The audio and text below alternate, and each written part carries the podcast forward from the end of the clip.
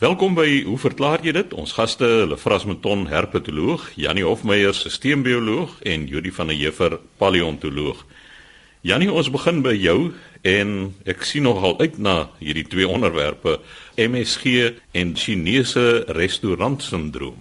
Môre Chris, môre luisteraars. Ja, is eintlik een onderwerp van die twee is baie sterk aan mekaar gekoppel. Die vraag het eintlik gekom uit 'n debat wat nou middag ontstaan het rondom 'n middagete. 'n Heftige debat die gevare van MSG wat natuurlik so 'n bymiddel is wat gebruik word in kos veral in Chinese kos. En ek het gedink ek wil so 'n bietjie agtergrond daaroor gee want dit is iets wat veral in Amerika, kom ons sê in die Anglo-wêreld nog 'n hele kontensieuse onderwerp is of mens nou hierdie goed mag gebruik of nie. Ek gaan later verduidelik wat MSG nou eintlik is. Maar die agtergrond daarvan is dat hierso in 1968 was daar 'n Chinese-Amerikaanse dokter met die naam van Robert Ho Man Kwok En hy het 'n brief geskryf aan 'n wetenskaplike joernaal waarin hy nou gekla het dat na maaltye by 'n Amerikaanse Chinese restaurante hy nou hartklopings en lamheid ervaar. En hm, dit was hom nou baie erg geweest. Nou Dr. Kwok het nou nie 'n vinger gewys na 'n spesifieke bestanddeel van die Chinese kos nie, maar ten spyte daarvan dat daar nou 'n gebrek aan getuienis vir enigiets was, is die smaakbymiddel wat ons ken as MSG of MSG in Engels gou deur ander mense nou as die skuldige uitgewys. En daar kan verskeie redes wees, maar miskien die belangrikste rede was dat daar op daai stadium 'n studie gedoen is deur 'n Dr. John Onley. En hy het getoon dat as mens nou MSG vat en jy spuit dit in die brein van muise in, dan veroorsaak dit redelik skade. En dit klink natuurlik nog glad nie goed nie. En die studie word nog tot vandag toe aangehaal as bewys vir die gevaar van MSG. Maar natuurlik, daar word selde gemeld wat die detail van die studie was en wat Only gedoen het, hy is enorme hoeveelhede van MSG het hy nou gebruik tot 4.4 gram per kilogram liggaamsmassa. Nou as mens dit vertaal na tipiese mense se gemiddelde massa kom ons sê 70 kg, dan sou dit beteken 'n eenmalige inname van 300 gram wat hy nou in 'n mens se brein sou ingespuit het. Nou geen wonder dat dit 'n effek gehad nie. Dis orde grootte hoor, is omtrent 300 tot 1000 keer hoër as die normale in terme van MSG in 'n normale dieet, gebalanseerde dieet of met 'n tipiese Chinese wegneem maaltyd nou sou inkry. Nou sedert alniese studies is daar nou talle kliniese studies gedoen en almal het getoon dat daar absoluut geen verbintenis is tussen MSG wat ingeneem word as deel van 'n maaltyd nie en nou die talle simptome wat intussen daaraan toegeskryf is. Ons 'n mooi voorbeeld daarvan In 1993 is daar 'n goeie dubbelblinde kliniese studie gedoen deur Tarasov en Kelly waarin hulle 71 vastende deelnemers 5 gram MSG toegedien het. Nou dis 'n klomp. Dit is baie meer as wat mens normaalweg sou inneem en dis dan gevolg deur 'n standaard ontbyt. En net een deelnemer het 'n reaksie gehad of 'n reaksie beskryf en dit was teenoor die placebo. Natuurlik in 'n dubbelblinde kliniese toets is daar die aktiewe verbinding wat getoets word en placebos. Nou hy het gesê hy het van die placebo effekte gehad. Is interessant dat die deelnemer self oortuig was dat hy sensitief teenoor MSG is. So hy was 'n selfverklaarde MSG sensitiewe persoon. Nog steeds nou ten spyte daarvan dat baie mense daarby sweer dat MSG nou vir hulle nare simptome gee soos veral hoofpynne en asma, is daar geen wetenskaplike getuienis. Al die getuienis is anekdoties. Meeste mense sou nie eers weet dat hulle MSG as 'n bymiddel in hulle kos gebruik nie. Nou luisteraars, jy sou opgetel het dat ek gesê het ons kry MSG met enige normale maaltyd in. So die vraag is wat is MSG nou eintlik?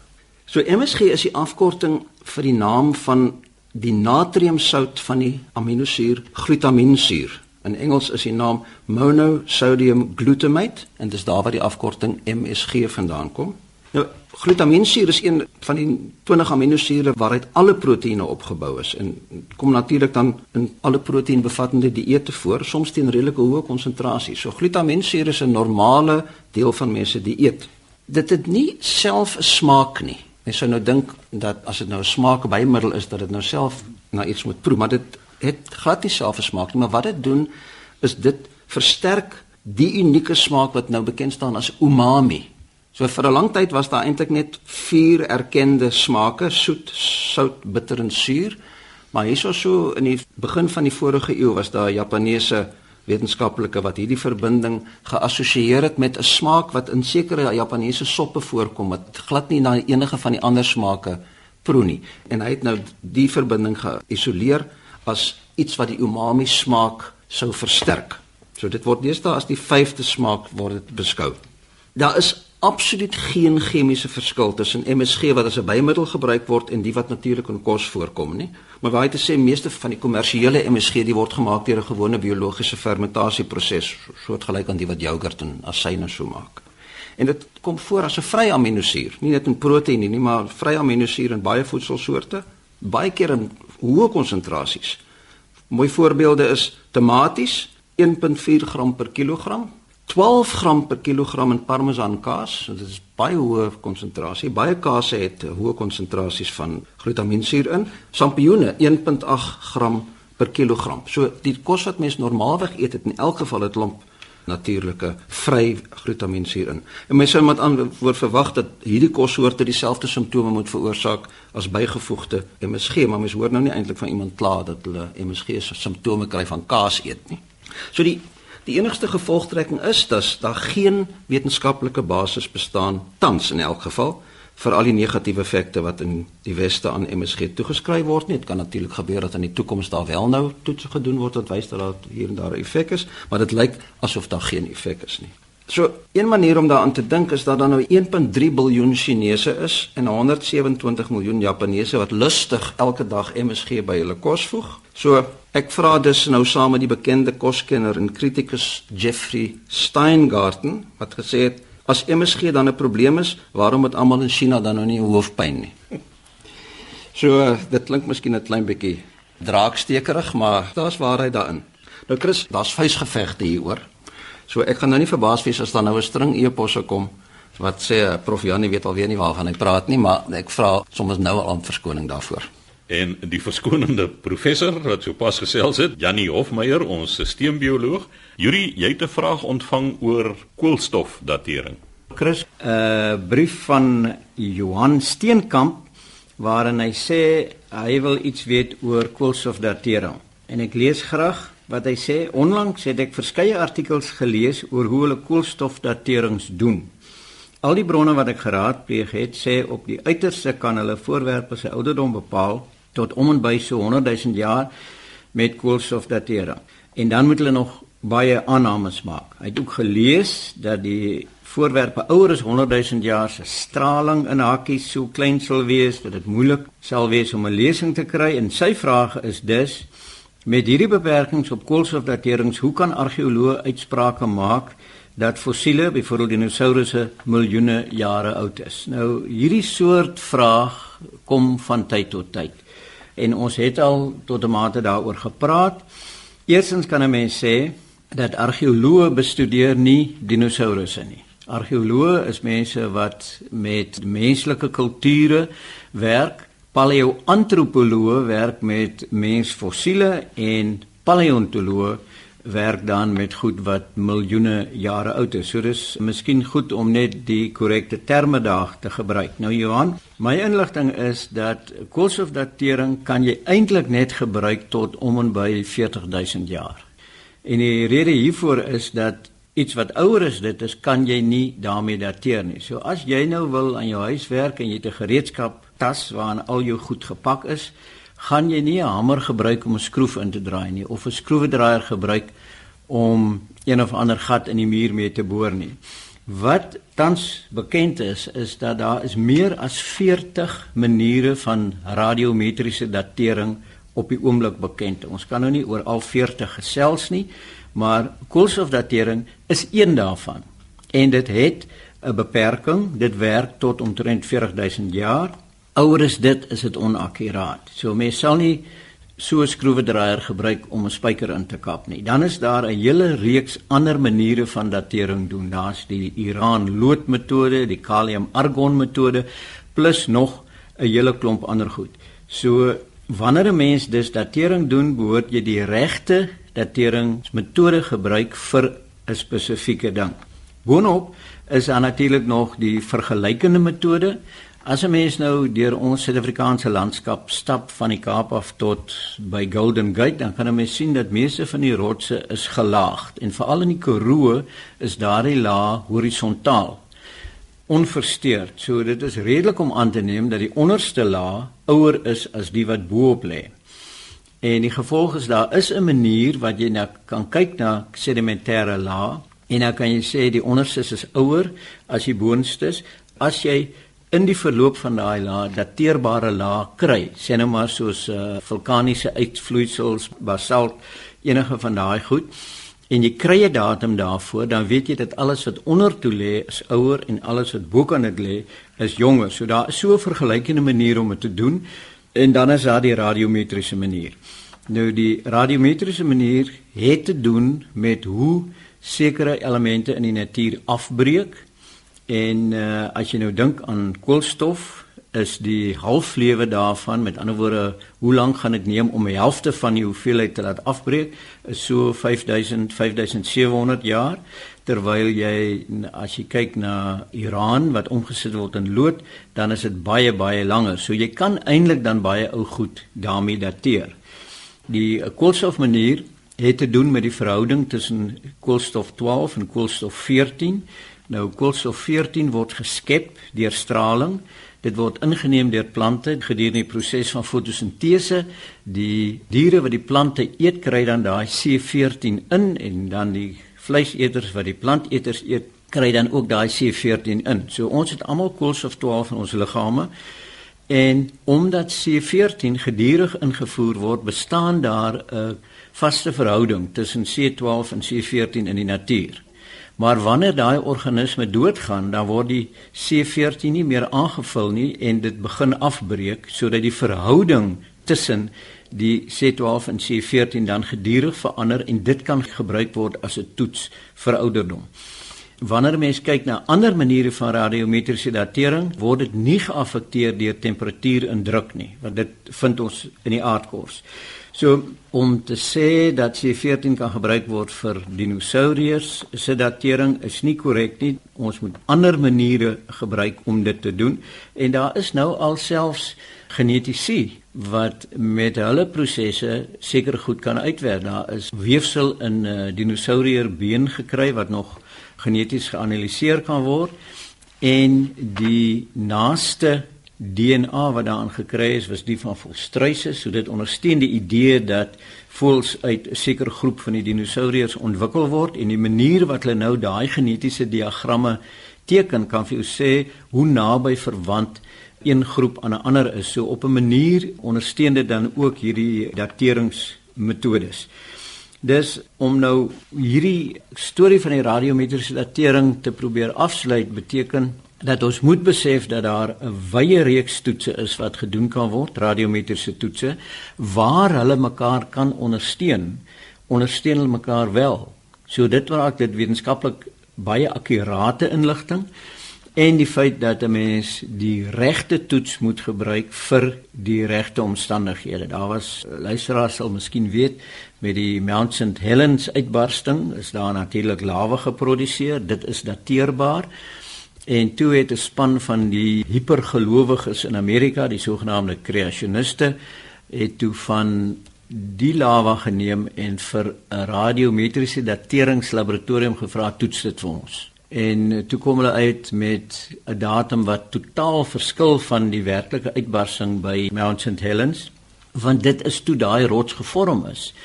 En toe verklaar hulle wêreldwyd dat die hele idee van die geologie en die evolusie is nonsens want uh, hier is nou jong lava en dit gee 'n uh, ouderdom van wat baie baie ouer is.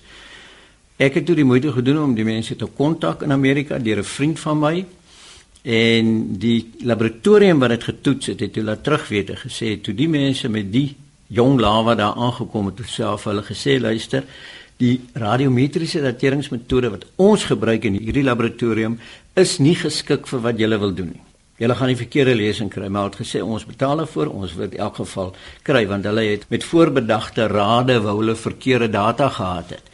En so kon mense nou hierdie storie ontbloot dat die laboratorium gesê het dis nie die regte metode nie en die mense het daarop aangedring. So hulle hele sogenaamde bewys nou vir die ineenstorting van evolusie en geologie was toe alles nou net 'n foefie gewees. So baie dankie vir jou brief, maar 'n mens moet die regte gereedskap vir die regte taak gebruik. Aldus Yuri van der Heever, ons paleontoloog, laas dan die woord, Lefras Meton, herpetoloog. Nou Lefras, jy het so 'n paar programme gelede het jy vir ons volledig vertel hoe vervel 'n slang en toe jy beloof jy gaan ook vir ons vertel of skilpaaie vervel. Nou, dis nou die geleentheid. Dankie, Chris. Ja, 'n skilpad bly seker een van die mees interessantste landwerweldiere. Dit is so 'n komieklike ding. Waar kom dit vandaan? En eerstens wil ek net wys eintlik is hy nie so snaaks as wat mens dink nie. As mens vat net 'n gewone akedus en jy gaan kyk na sy vel, dan sien ons skubbe buiteop. Vat nou maar sommer die tuinakedus, skubbe en as jy nou bietjie sal dieper gaan, dan sê jy sien onder dit is daar laag been in die vel. Die vel bestaan uit twee dele, die epidermis en die dermis en die epidermis kan hierdie harde horinglaag buiteop vorm wat dan nou ons noem dit epidermale skubbe en dan onder dit is dan nou die osteoderms. Dis beenplaatjies wat daar in die dermis lê. En by baie van hierdie akedisse is daardie beenplaatjies baie goed ontwikkel. Hulle vorm 'n eindelike 'n hele beenkapsel sodat as die dier sou doodgaan dan kry jy amper so so dop soos 'n skilpad, né? As jy skubbe buite op en net onder dit die wit been. En presies wat mens by skilpaaie ook kry. Maar by skilpaaie die proses natuurlik 'n bietjie anders te verloop. Dit is 'n baie ou groep en hulle is nie naverwant aan akedisse en slange nie. Waar dit sê die posisie is nie heeltemal duidelik nie. Waarskynlik hier aan onder by nader aan die krokodille en die voëls dat dit dalk op daardie lyn lê. Maar by skilpaaie is ook nou die ribbebene is betrokke by hierdie dopvorm. As mens nou 'n dop sou in die veld kry en bietjie oopmaak, so jy sien daar in die been dop sit ook die ribbebene en natuurlik die rugwervels is ook deel van die benige dop. Maar daardie skubbe wat daar op die buitekant sit, hulle val so na tyd af en dan sien jy nou net die wit beendop. Daardie is dieselfde as reptielskubbe. En ons het nou laas in die vorige program gesien by slange en akedisse, by slange word daardie hele buitenste laag van tyd tot tyd afgewerp, die dier vervel. By akedisse is dit meer deeltjies kom los en val af. Nou is die vraag nou wat gebeur nou by skilpaaie? Was nog nooit daar in die veld geloop en so mooi vervelde dop gesien soos mens nou 'n slangvel sou sou kry nie. Ons praat nou maar net eers oor die landskilpaaie want dit is seker die interessantste. As mens nou gaan kyk na so 'n skilpad, maak nie saak hoe oud hy nou is nie, en jy kyk na daardie skubbe op die buitekant, dan sê jy sien daar sulke ringe, sulke moenie konsentrisie maar van heel in die middel klein en dan is dit sulke ringe. Ons noem dit nou groeiringe. Wat hierso gebeur is wanneer die skilpad vervel, word die skip nie afgegooi nie. Hy bly daar. En die volgende een skibbietjie groei nou, hy's nou so bietjie groter, dan maak dit so 'n ringetjie. En so in steede van dat die vel afgegooi word, bly hy daar en die skip raak eintlik al hoe dikker. So skilpaaie vervel, maar dit miskien later sal die die, die heel klein steenetjie wegval en baie keer tel die mense hierdie ringe op die skibbe en dit kan nou 'n min of meer 'n idee gee van hoe oud is die skilpad. Dit is nou op die dop, maar natuurlik die bene en die kop, dit vervel maar normaalweg nie, maar net as jy weer skilpad optel as jy dalk gelukkig en jy sien daar's stukkies vel wat afkom. Dit is nou vir die landskilpaaie. As mens nou na die seeskilpaaie kyk, hulle het baie keer sagte doppe want vir enige waterskilpad jy wil nie te swaar dop hê nie want dan gaan jy net afgrond toe sink. Dan gaan jy nie lekker kan swem nie. So die dop is nie so goed ontwikkel nie. Baie keer sagte dop en die buitenste laag is nie skubbe nie. Dit is eintlik leeragtige vel soos by die leerig skilpad. En daar vervel hulle maar normaalweg soos enige ander akedus of reptiel sou vervel. Daar kom is nie 'n volledige vel maar kom stukkies vel af die hele tyd.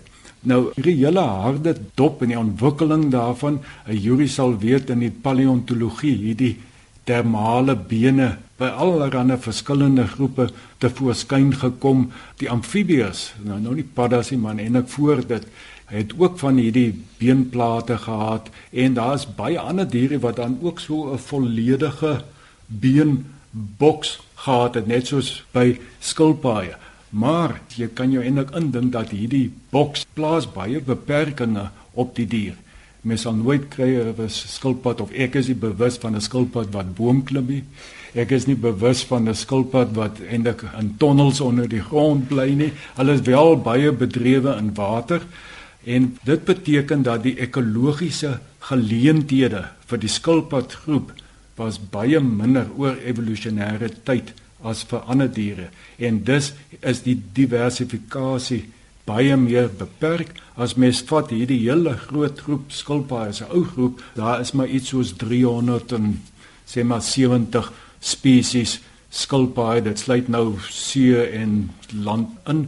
En as jy dit vergelyk met voëls of met wat nou maar akedisse net in Suid-Afrika is daar seker 400 akedus spesies en dit is als die gevolg van die dop die beperkings 'n skilpad kan maar net 'n paar goed doen, nie ander goed kan hy nie doen nie. Dis interessant wat jy sê, maar ek wil nou 'n vraag vra. As jy nou dink aan die feit dat ons vandag steeds bakterieë het en dat bakterieë die grootste biomassa op aarde is, dan kan 'n mens seker redeneer dat bakterieë eensellig is, is ongelooflik suksesvol. Sou mense dit van skilpaaie kon sê dat met die ontwikkeling van 'n dop het dit hulle so suksesvol gemaak tot 'n mate dat hulle feitelik in enige omgewing kan bestaan dat daar eintlik nie seleksie druk was om te verander nie. Sou jy dit sê of sou jy sê dat omdat hulle in daai rigting gegaan het, is dit baie moeilik om dan hoe sou mense te defoleer en dan in 'n ander rigting te gaan. Moet mense hulle nie sien as eintlik baie suksesvolle organismes nie. Dan kom ons nou by die vraag wat is suksesvol? Is dit getalle of is dit net oorlewing. Nou ja, ek stem 100% saam met jou. Dis 'n wen resep. Hierdie beskermende dop dat daar was nooit evolusionêre druk vir spesies om te verander. Dit is natuurlik ook so. Maar ja, ons praat nou nie oor sukses nie, net oor getalle. Dat ja, daar is eintlik min beweegruimte vir skilpaaie. Daar was het gesê dat die dop natuurlik hier en daar probleme veroorsaak enig iemand wat al gesien het hoe skilpaaie probeer paar natuurlik is een van die groot probleme van die arme mannetjie wat nou probeer met een dop op 'n ander dop. Dis werklik dis nogal iets om te aanskou. Jy het seker al gereeld dit gesien. en te hoor. nou ja, dan is daar ook nou aanpassings. Die ou rooi pen skilpad wat hier teen die Weskus wel 'n groot deel van Suid-Afrika die kusgebiede voorkom. Dit is 'n manier wat jy kan sien of dit 'n mannetjie of 'n wyfie is.